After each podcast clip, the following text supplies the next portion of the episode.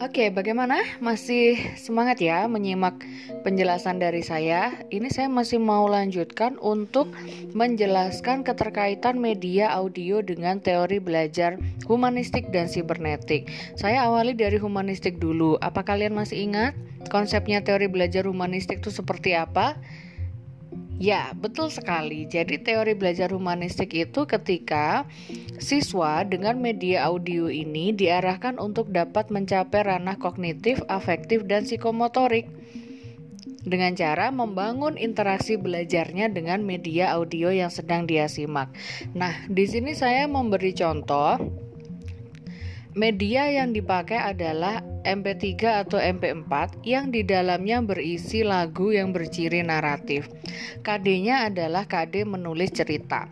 Nah, di manakah letak e, cara guru membangun ranah kognitif siswa dengan adanya media MP3 dan MP4 ini? Letaknya adalah pada saat siswa diminta untuk menyimak MP3 dan MP4 yang berisi tentang lagu naratif tadi untuk mencari struktur, untuk mencari struktur dari sebuah cerita.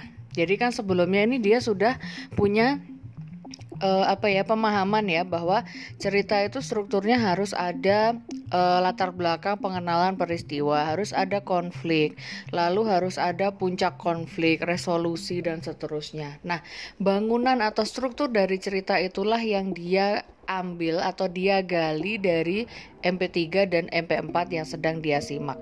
Di situlah letak media lagu ini digunakan untuk membangun ranah kognitif siswa. Lalu afektifnya di mana? Afektifnya adalah ketika siswa itu mendapatkan suatu yang unik dari lagu yang dia dengar, kemudian dia gunakan untuk menulis cerita baru. Nah, berarti afektifnya di situ adalah pada daya kreativitas siswa dalam mencari peristiwa yang unik dan menarik dalam lagu untuk kemudian dia pakai untuk sebagai ide untuk menulis cerita baru. Lalu psikomotoriknya di mana?